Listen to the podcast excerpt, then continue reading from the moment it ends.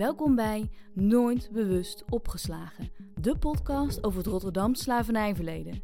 In vier afleveringen krijg je in een vogelvlucht een tour door het Rotterdam slavernijverleden. Want ja, ook die geschiedenis hoort bij Rotterdam. Er zijn heel, heel veel Rotterdammers eh, of mensen die via Rotterdam daar naartoe gingen. Actief geweest in eh, de slavenhandel, in de, slaven, in de productie van suiker, koffie, katoen, cacao, eh, tabak.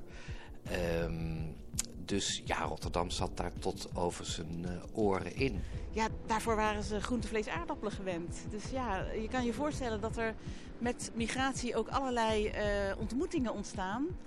Die misschien soms ehm, wat ongemak opleveren, maar die ook heel inspirerend zijn. En die beide kanten vind ik belangrijk om eh, een plek te geven. Dus als je bijvoorbeeld hebt over, als we het hebben over diversiteit. Diversiteit is iets wat speelt in de hoofd van witte mensen.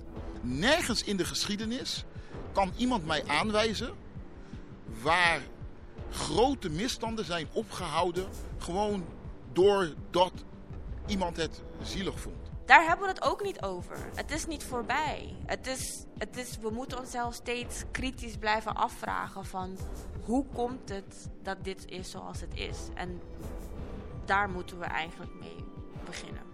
Nooit Bewust Opgeslagen, de podcast over het Rotterdam slavernijverleden, is vanaf 25 augustus te luisteren. Tot de eerste aflevering.